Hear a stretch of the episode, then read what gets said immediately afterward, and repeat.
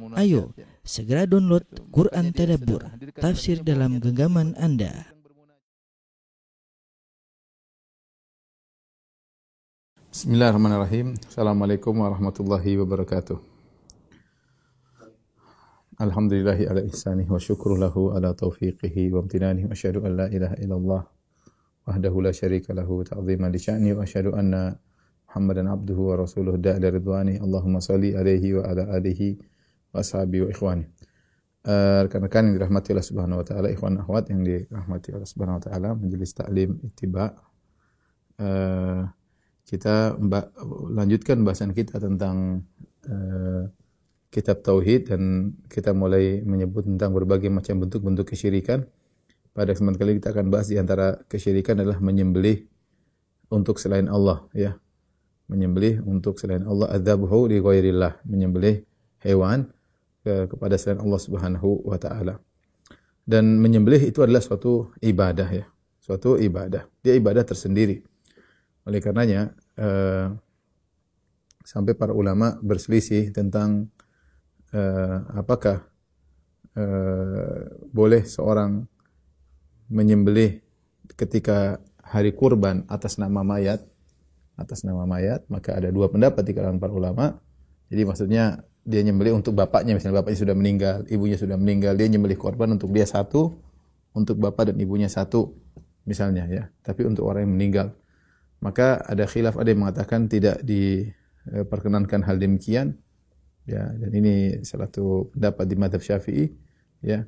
Eh, yang lain mengatakan boleh ya. Yang lain mengatakan boleh karena sebagaimana ijma ulama kita boleh bersedekah atas nama mayat.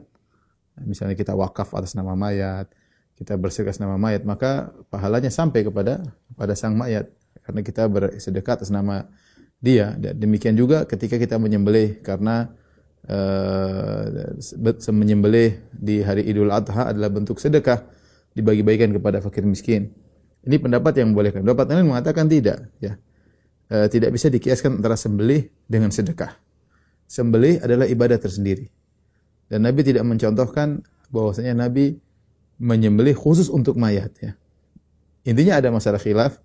Saya ingin menunjukkan bahwasanya nyembelih adalah ibadah tersendiri. Menyembelih adalah ibadah tersendiri. Makanya para ulama ketika menyebutkan tentang Idul Adha dianjurkan seorang menyembelih sendiri tidak mewakilkan kepada orang lain. Ya. Mungkin kalau sedekah, mungkin lebih baik dia wakilkan kepada orang, dia lebih tersembunyi, tidak ketahuan uh, dirinya yang bersedekah, lebih ikhlas. Tapi kalau menyembelih, di, antaranya syiar, kemudian uh, seorang menyembelih sendiri. Karena menyembelih sendiri itu adalah ibadah khusus, ibadah khusus lain dengan sedekah. Lain dengan sedekah. Maka kita bisa bayangkan ya, kalau Idul Adha Uh, saya nggak saya nggak bayangkan bagaimana orang yang uh, memelihara kambing dari kecil sampai gemuk, kemudian dia sembelih. Saya bicara untuk orang yang beli aja. Misalnya kita beli kambing, terus kita datangkan penjualnya datangkan kepada kita pagi-pagi sebelum kita sembelih. Ada nuansa uh, ibadah kepada Allah, nuansa tersendiri. Uh, apalagi kalau kita misalnya beli sapi, kemudian sapinya diantar sehari sebelumnya atau ketika di subuh hari untuk kita sembelih ya karena Allah Subhanahu wa taala dan ibadah tersendiri Masya Allah uang yang sudah dikumpulkan untuk beli sapi apalagi orang itu itu baru beli bagaimana lagi yang memelihara dia beli dia pelihara mungkin berbulan-bulan dia kasih makan sebanyak-banyaknya sampai kambing tersebut jadi gemuk kemudian sapi tersebut jadi gemuk kemudian dia sembelih sendiri maka itu luar biasa itu ada ibadah yang yang agung seorang bisa melakukan demikian maka itu yang yang terbaik. Makanya disunahkan seorang kalau nyembelih, dia tidak mewakilkan kepada orang lain. Dia sembelih sendiri. Ya, dia sembelih sendiri itu ada nilai ibadah tersendiri. Dia berbeda dengan sedekah. Sedekah beda. Mungkin setelah dia menyembelih, dia bisa bagikan dagingnya kepada fakir miskin. Ya, ini pahala lain. Sembelih pahalanya sendiri, sedekah pahalanya sendiri. Ya. ya. Tapi kalau orang tidak mampu untuk menyembelih, daripada spekulasi atau uh, menyakiti hewan, mending suruh orang yang pakar untuk uh, menyembelih. Nah, ibadah ini, ibadah yang agung ini menyembelih uh, hanya boleh untuk Allah Subhanahu wa taala. Dialah Allah yang telah mengalirkan darah dalam hewan tersebut. Allah mengalirkan darah dalam unta tersebut, dalam sapi tersebut, dalam kambing tersebut, maka darah itu ditumpahkan untuk zat yang telah mengalirkan darah tersebut dalam hewan tadi. Yaitu hanya untuk Allah Subhanahu wa taala.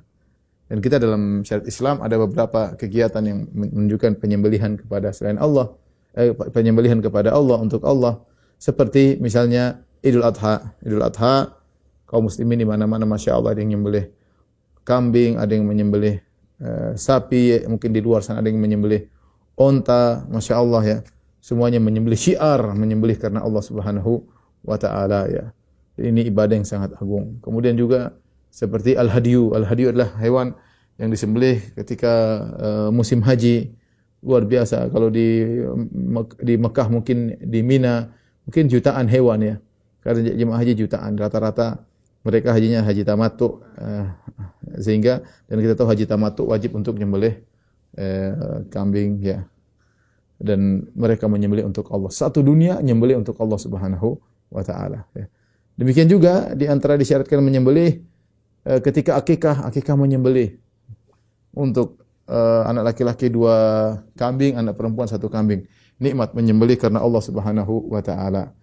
Uh, demikian juga uh, misalnya uh, menyembelih karena nazar, bisa juga menyembelih uh, selain karena uh, nazar bisa juga karena uh, muhsar. Muhsar itu seorang yang terhalang. Ketika dia mau umrah tidak bisa umrah terhalangi maka dia boleh menyembelih. Fa in uhsirtum famastaisara minal hadiyu. Famastaisara minal hadi. Yaitu jika kalian dalam kondisi terhalangi tidak bisa melanjutkan umrah atau haji maka sembelih kambing. Sebagaimana Nabi SAW ketika dalam perjanjian Hudaybiyah perjanjian Hudaybiyah Nabi SAW ingin masuk maka dihalangi maka Rasulullah SAW terpaksa menyelesaikan umrahnya kemudian dengan menyembelih ontanya Inilah 99 99 karena Allah Subhanahu wa taala.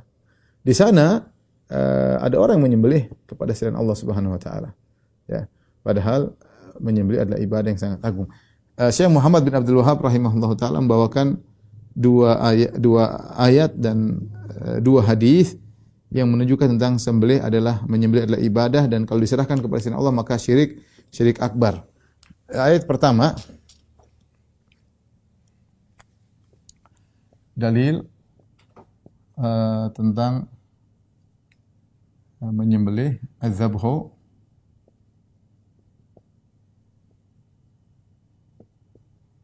azabhu lillah adalah ibadah. Uh, berdasarkan dalil Al-Quran dan hadis ya.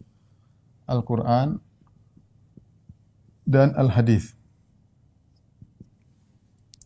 Al-Quran, beliau bawakan firman Allah yang pertama, Qul inna salati wa nusuki wa mahyaya wa mamati lillahi rabbil alamin la syarika lah wa bidzalika umirtu wa ana minal muslimin wa ana awwalul muslimin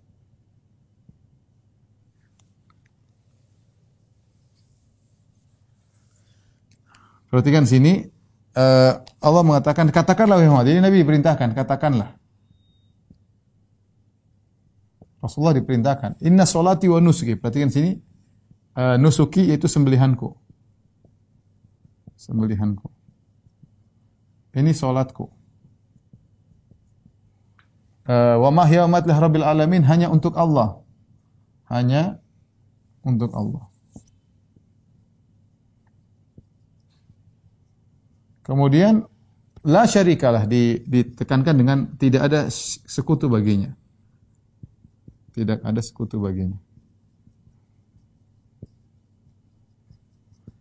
Uh, di sini menunjukkan menunjukkan bahwasanya menyembelih adalah ibadah dari beberapa sisi. Ya, uh, pertama digandengkan dengan sholat. Ini sisi pertama. Digandengkan dengan sholat. Dan kita tahu salat adalah ibadah. Dengan ibadah salat. Bahkan uh, kata sebagian ulama, salat adalah ibadah fisik yang paling mulia dan nyembelih adalah ibadah harta yang paling mulia. Dan digandingkan antara salat dan sembelihan. Sebagaimana kita tidak boleh salat kepada selain Allah, maka demikian pula kita tidak boleh menyembelih kepada selain Allah. Kemudian ini menunjukkan salat ibadah ya. Jika salat ibadah maka demikian juga menyembelih. Menyembelih. Kemudian sisi yang kedua, jelas ini lillah. Ya, dua. Karena Allah, jelas. Karena Allah, untuk Allah. Sehingga tidak boleh tidak boleh diserahkan kepada selain Allah. Tidak boleh kepada selain Allah. Kemudian sisi yang ketiga, dalil ketiga di sini dinafikan la syarikalah. Tidak ada sekutu baginya. Sekutu yaitu tidak boleh syirik. Inilah wallah alam bisawab sisi tiga sisi pendalilan yang menunjukkan bahwasanya menyembelih adalah ibadah dan tidak boleh diserahkan kepada selain Allah. Ya, ini perlu kita tekankan bahwa menyembelih adalah ibadah. Karena sebagian orang menyangka namanya ibadah cuma salat doang, menyembelih mau untuk jin, mau untuk siapa nggak ada masalah. Ini ayat yang pertama. Ayat yang kedua uh, kata kata kata Allah Subhanahu wa taala, "Fasholli li rabbika wanhar." Kembali lagi, salatlah untuk Rabbmu ya, dan nyembelihlah untuk Rabbmu. Salatlah untuk Rabbmu dan sembelihlah untuk Rabbmu juga dan sembelihlah untuk Rabbmu. Kembali lagi perhatikan di sini salat digandengkan dengan menyembelih. Sebagaimana salat hanya untuk Allah, maka menyembelih juga hanya untuk Allah Subhanahu wa taala. Perhatikan di sini di sini uh, ada kata maka fa. Fa artinya maka. Maka daripada itu ya. Jadi ayat-ayat sebelumnya inna a'tainakal kautsar. Sungguhnya kami telah memberikan kepada engkau al kautsar yaitu sungai di uh, di surga ya. Atau al kautsar dari kasrah yaitu uh, kenikmatan yang sangat banyak wahai Muhammad.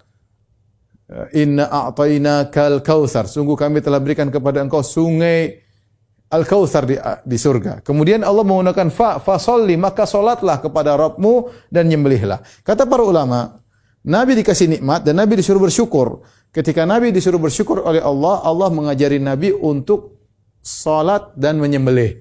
Maka dari sini saya katakan atau para ulama mengambil faedah bukti paling kuat orang bersyukur adalah di antaranya salat dan menyembelih. Bukti kuat orang bersyukur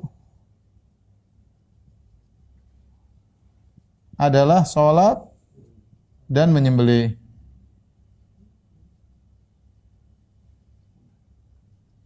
Kenapa? Karena Allah mengatakan fa fasolli li rabbika wanhar.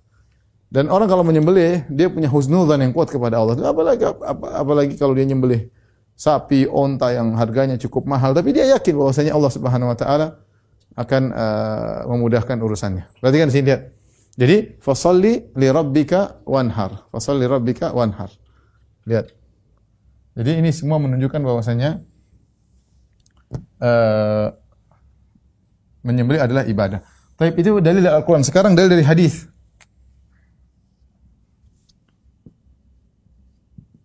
Hadis Ali bin Abi Thalib Rasulullah SAW bersabda, "La'anallah man zabaha di ghairillah." Kemudian la'anallah man la'ana walidayhi. Terus la'anallah man awa muhdisan. La'anallah man ghayyara manaril ard. Kata Nabi SAW, Allah melaknat orang yang menyembelih kepada selain Allah. Allah melaknat yang menyembelih selain Allah, menyembelih kepada selain Allah. Ini menunjukkan bahwasanya menyembelih selain Allah dosa besar. Kemudian Allah melaknat orang yang melaknat kedua orang tuanya yang melaknat kedua orang tuanya. Orang tuanya. Bagaimana cara dia melaknat kedua orang tuanya? Bisa dia laknat langsung karena dia jengkel sama orang tuanya. Bisa dia laknat orang lain dia laknat orang tuanya temannya, temannya balik melaknat kedua orang tuanya. Dan maka dia dianggap juga melaknat kedua orang tuanya. Ya, sebagaimana seorang mencaci maki bapak orang lain, orang tersebut balas mencaci maki bapaknya, maka dia dianggap mencaci maki bapaknya. Yang ketiga, Allah melaknat orang yang melindungi pelaku zalim. Yang melakukan bid melindungi pelaku kezaliman dan muhdisan bisa diartikan juga dengan pelaku bid'ah. Kemudian la'an Allah man ghayyara man al-ard yang merubah merubah eh, tanda-tanda uh, tanda-tanda jalan. Eh, tanda-tanda uh, jalan sini bisa artinya uh, petunjuk jalan, bisa artinya petunjuk jalan. Bisa jadi artinya patok tanah. Bisa artinya patok, patok tanah. Ini empat perbuatan terlaknat yang disampaikan oleh Nabi Shallallahu Alaihi Wasallam dan ini dilakukan oleh sebagian orang. Uh, apalagi merubah patok tanah ya banyak sekali. Namun yang pertama kali Nabi sebutkan adalah orang yang menyembelih kepada selain Allah Subhanahu terlaknat. Makanya orang yang melakukan menyembelih kepada selain Allah dia terjerumus dalam syirik akbar ya, dalam syirik akbar. Ini hadis yang pertama ya. Adapun hadis yang kedua kisah hadis yang kedua adalah kisah dua orang yang melewati kaum yang menyembah berhala. Menyembah berhala. Hadis ini dari Tariq bin Syihab an Salman Al-Farisi. Hadisnya dari Tariq bin Syihab dari Salman Al-Farisi. Jadi Tariq bin Syihab kemudian dari Salman Al-Farisi.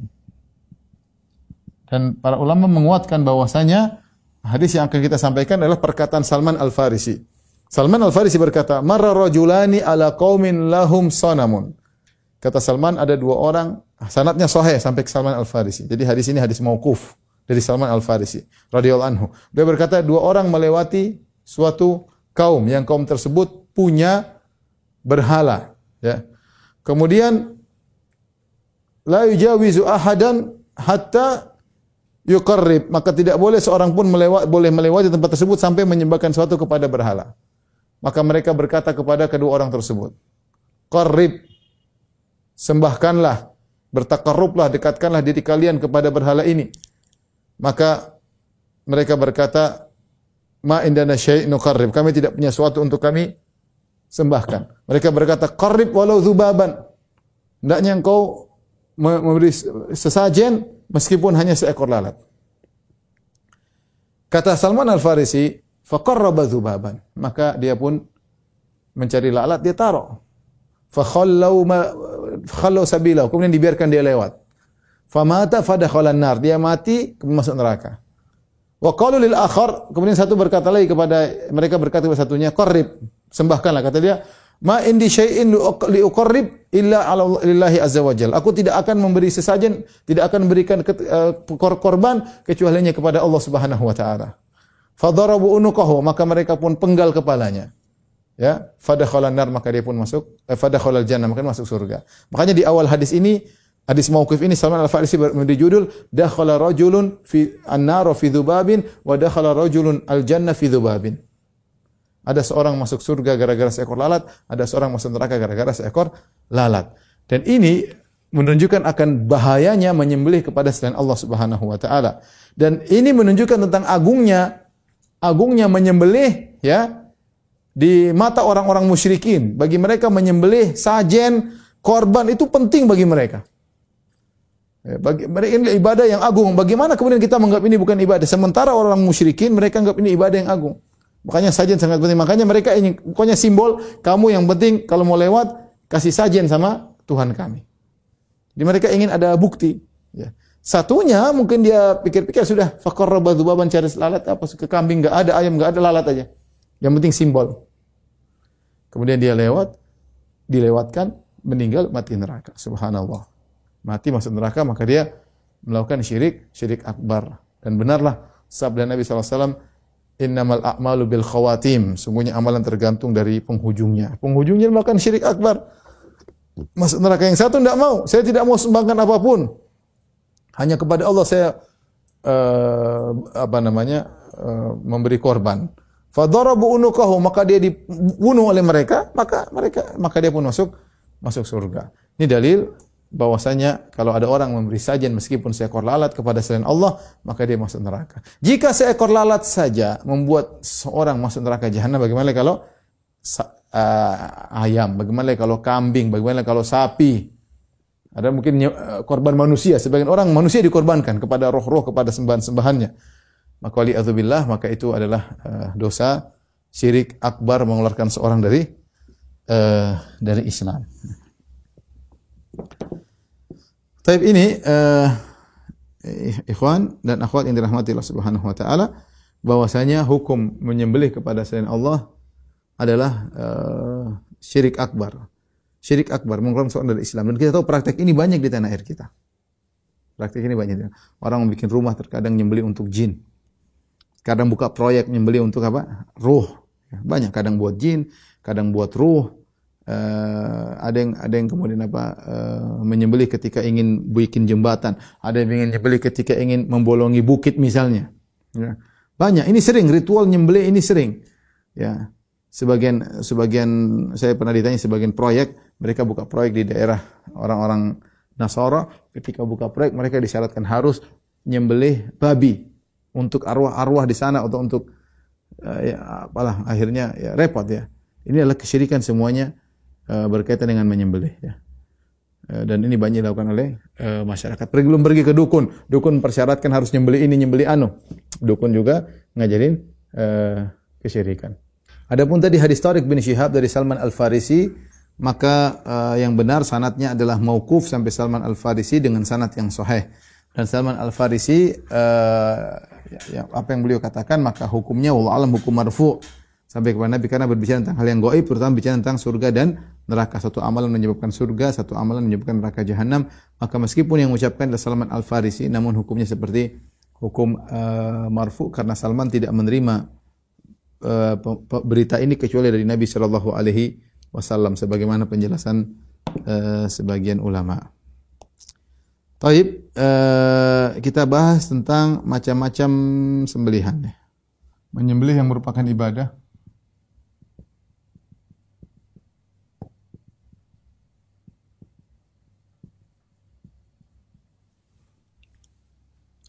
Menyembelih bukan ibadah. Bukan uh, ibadah khusus. Kalau menyembelih niatnya ibadah, biasanya uh, yang dituju adalah yang yang jadi yang pusat perhatian, jadi pusat perhatian adalah mengalir adalah mengalirkan darah, adalah mengalirkan darahnya.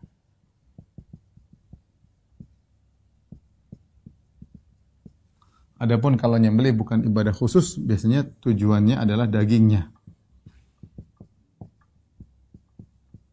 Contoh sepertinya nyembelih karena ada tamu datang. Ini bukan nyembelih ibadah. Beda kalau menyembelih ketika Idul Adha karena kita menyembelih ada dalil yang mengalir dari hewan tersebut itulah ibadah kita kepada Allah Subhanahu wa taala. Adapun kalau menyembelih bukan ibadah khusus tujuannya adalah dagingnya maka ini perkara yang mubah. Tetapi ini pun ada tiga model. Ini ada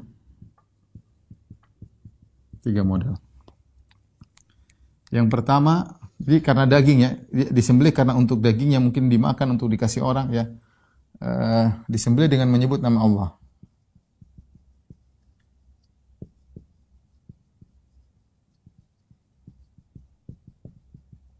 Maka ini hukumnya halal. Ya, ini yang dianjurkan halal. Ya. Yang kedua uh, disembelih tanpa menyebut nama Allah.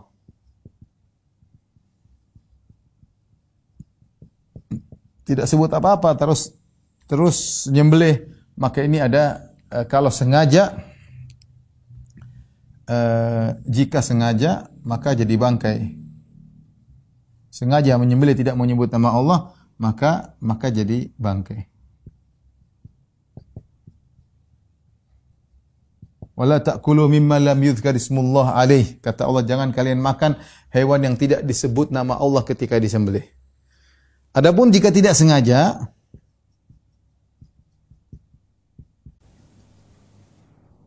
maka ada khilaf di kalangan para ulama. Ada khilaf. Ada yang mengatakan haram, ada yang mengatakan halal karena dimaafkan. Karena tidak sengaja. Allah alim ada khilaf di kalangan para ulama. Taib. Eh, ini menyembelih tanpa menyebut nama Allah. Dia menyembelih maka jika sengaja maka jadi bangkai haram. Adapun jika tidak sengaja lupa lupa menyebutkan nama Allah, tidak sengaja terlupa uh, maka ada khilaf, ada yang mengatakan haram, ada yang mengatakan halal. Kemudian yang ketiga, jika disembelih eh, jika disembelih dengan menyebut nama selain Allah.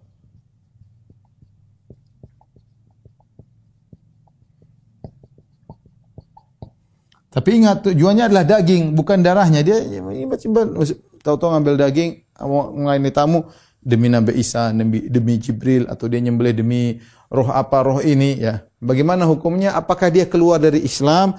Wallahu alam bisawab. Untuk ini jadi dia melakukan yang dilakukan syirkul isti'anah. yang dia lakukan adalah syirkul isti'anah. Ya, dia minta tolong eh, atau, atau dengan nama selain Allah Subhanahu wa taala dan ini selama dia tidak niatkan untuk ibadah maka ini hukumnya syirik kecil.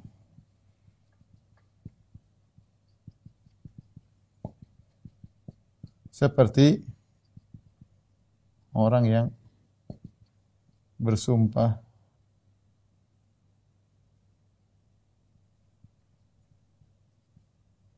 dengan nama selain Allah.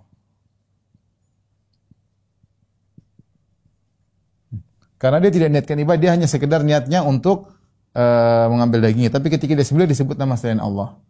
Ya, tentu ini adalah jadi bangkai hukumnya. Ya. Jadi bangkai haram. Tidak boleh di makan, dikonsumsi. Tapi ada menyembelih yang merupakan ibadah, ya. Maka ini juga dibagi menjadi dua. Yang pertama karena Allah sudah kita sebutkan tadi contoh-contohnya, misalnya uh, korban Idul Adha, uh, kemudian misalnya untuk akikah,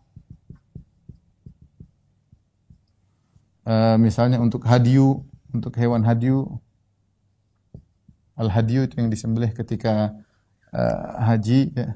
Kemudian namanya jika mengalami ihsar. Ihsar tadi terhalangi untuk haji atau umrah maka uh, jika seorang ingin melepas kain ihram dia harus menyembelih kambing atau unta bisa juga untuk bayar fidyah ini semua uh, dilakukan semuanya karena Allah Subhanahu uh, wa taala. Nah, kalau untuk selain Allah di antaranya untuk jin ini paling sering ya. Untuk jin paling sering sekali. Ada apa kayak ada gunung meletus kayak ada laut mau untuk Nyiroro Kidul. Sering sekali orang menyembelih untuk selain Allah untuk mungkin uh, dewi apa, dewi tanaman lah apalah ini semua syirik akbar. Barang siapa yang berani menyembelih untuk selain Allah, maka dia telah melakukan syirik akbar. Ini syirik akbar.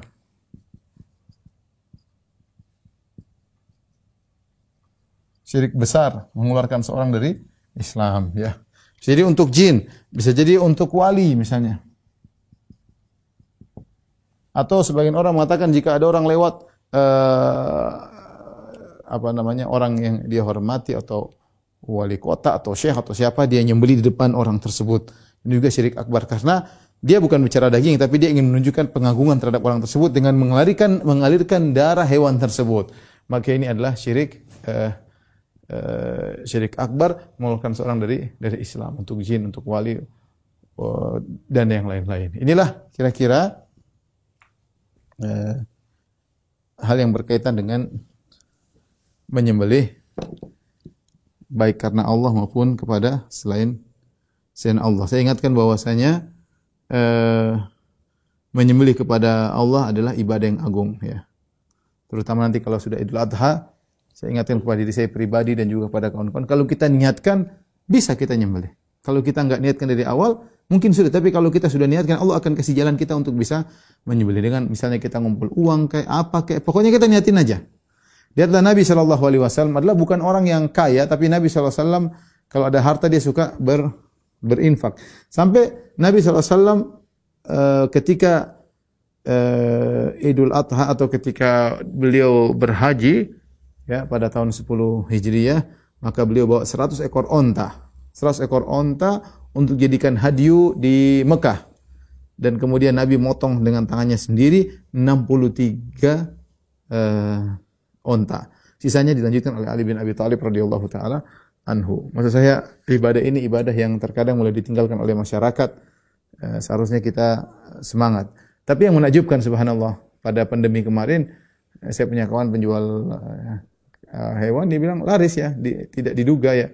Mungkin orang tidak bisa umrah maka mereka semangat untuk uh, menyembelih. Nah, kalau kita punya harta kita berusaha berpartisipasi sebagai bekal kita di uh, akhirat kelak. Apalagi kalau antum kemudian ambil kambingnya, antum yang rawat, antum yang kasih makan langsung. Terus antum yang sembelih, masya Allah itu rasanya beda. Rasanya beda dengan orang yang cuma tinggal beli, apalagi suruh orang yang nyembelih. Kalau bisa demikian maka itu yang uh, yang terbaik.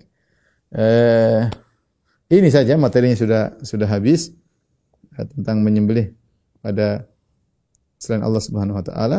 Ada uh, perkara yang disebut oleh Syekh Muhammad bin Abdul Wahab ya masalah uh, ikrah masalah ikrah orang ini dipaksa untuk menyumbangkan lalat kepada patung kemudian ketika dia lewat kemudian dia uh, dibiarkan lewat kemudian dia meninggal mas, uh, masuk neraka. Bukankah orang yang uh, terpaksa tidak diberi hukum oleh Allah Subhanahu wa taala? Sebagaimana dalam kisah Ammar bin Yasir Allah mengatakan illa man ukriha wa qalbuhu mutmainnun bil iman walakin man syaraha lil kufri sadran. Ya man syaraha bil kufri sadran. Kata uh, kata Allah Subhanahu wa taala uh, kecuali orang yang dipaksa ya kecuali orang yang dipaksa maka uh, dimaafkan baginya adapun yang tidak dipaksa maka dihukum kufur. Ammar bin Yasir ketika disiksa oleh orang kaum musyrikin, ya, e, kemudian dia terpaksa mengucapkan kata-kata kufur, terpaksa maki-maki Nabi Shallallahu Alaihi Wasallam, tapi Allah ampuni. Allah mengatakan man kafara billahi ba'd imani illa man ukriha wa qalbuhu mutmainnun bil iman. Kecuali yang dipaksa sementara hatinya tetap tentram dengan iman. Walakin man syarha bil kufri sadran. Adapun yang dihukum kafir jika hatinya lapang menerima kekufuran tersebut. Nah, kita orang ini ketika disuruh nyembelih lalat, apakah dia terpaksa ataukah dia lapang? Maka ada dua pendapat di kalangan para ulama. Pendapat pertama mengatakan zaman dahulu orang-orang terdahulu eh, keterpaksaan bukan merupakan uzur. Ya, keterpaksaan bukan, bukan keterpaksaan hanya menjadi uzur untuk umat kita, umat Islam. Ya. Makanya eh, Nabi sallallahu alaihi wasallam menyebutkan bahwasanya Inna Allah tajawaza li an ummati. Sungguhnya Allah memaafkan umatku ya e, di antaranya wa mastukrihu alaihi pada perkara-perkara yang mereka dipaksakan. Ini berlaku pada umat. Adapun umat terdahulu sebenarnya lama seperti Syekh Muhammad Amin Syingkiti mengatakan umat terdahulu tidak ada keterpaksa. Pokoknya dia harus kerjakan. Tidak ada uzur dengan keterpaksaan. Ya. E, seperti e, ketika Allah berbicara tentang Ashabul Kahfi, mereka berkata, "Innahum iyadhharu alaikum yarjumukum au yu'idukum fi millatihim, walan tuflihu idan abada." Sungguhnya jika mereka dapat mengetahui tempat kalian, niscaya mereka akan merajam kalian dengan batu atau memaksa kalian untuk kembali kepada agama mereka dan jika kalian terpaksa masuk agama, agama mereka, walan tuflihu idan abada, maka kalian tidak akan beruntung selama-lamanya. Seakan-akan uh, jika mereka dipaksa meninggalkan agama dan padahal hati mereka tenang dengan Islam, tetap dihukum karena zaman dahulu tidak ada uzur dengan keterpaksaan. Wallahu alam bisawab. Ada dua pendapat ya uh, uh, kita, ya apa namanya tapi orang tersebut ketika melewati ya bisa jadi dia lewat tempat lain. Kenapa dia harus maksa lewat tersebut? Ya, sehingga harus apa namanya uh, menyumbangkan lalat. Sebagian ulama seperti Syekh Utsaimin mengatakan dia tidak terpaksa karena disebutkan faqarraba dzubaban maka dia berbertakarrub mendekatkan dirinya dengan zubab dengan lalat ya. Ini menunjukkan syirik berbahaya karena tidak ditinjau dari besar kecilnya objeknya tapi keyakinan bahwasanya ada zat lain yang berhak disembah selain Allah Subhanahu wa taala. Ini syirik-syirik uh, akbar. Meskipun lalat tidak ada nilainya. Tapi ketika dia meyakini bahwasanya ada zat lain berhak untuk dikasih korban selain Allah maka telah terjerumus dalam neraka jahanam dan bisa dimasukkan dalam uh, api uh, neraka. Ya, oleh karena seorang berusaha menghindarkan dirinya dari segala bentuk kesyirikan, terutama kesyirikan menyembelih kepada selain Allah. Dan ingatkan kepada keluarga karena banyak di antara keluarga yang terjerumus dalam hal seperti ini. Uh, saya sendiri lihat sebagian orang ketika ingin uh, bangun rumah, maka dia potong ayam, kemudian dituangkan di tanah pekarangan tersebut, ya untuk jin. Ini syirik syirik akbar. Tapi Allah alam bisawab teman-teman di TB dari pengajian alit tiba ini mungkin yang bisa sampaikan kurang lebih saya mohon maaf. Semoga Allah mewafatkan kita di atas kalimat la ilaha illallah dan semoga Allah menjadikan uh, amal soleh kita diterima oleh Allah Subhanahu wa taala. Wabillahi taufiq wal hidayah. Assalamualaikum warahmatullahi wabarakatuh.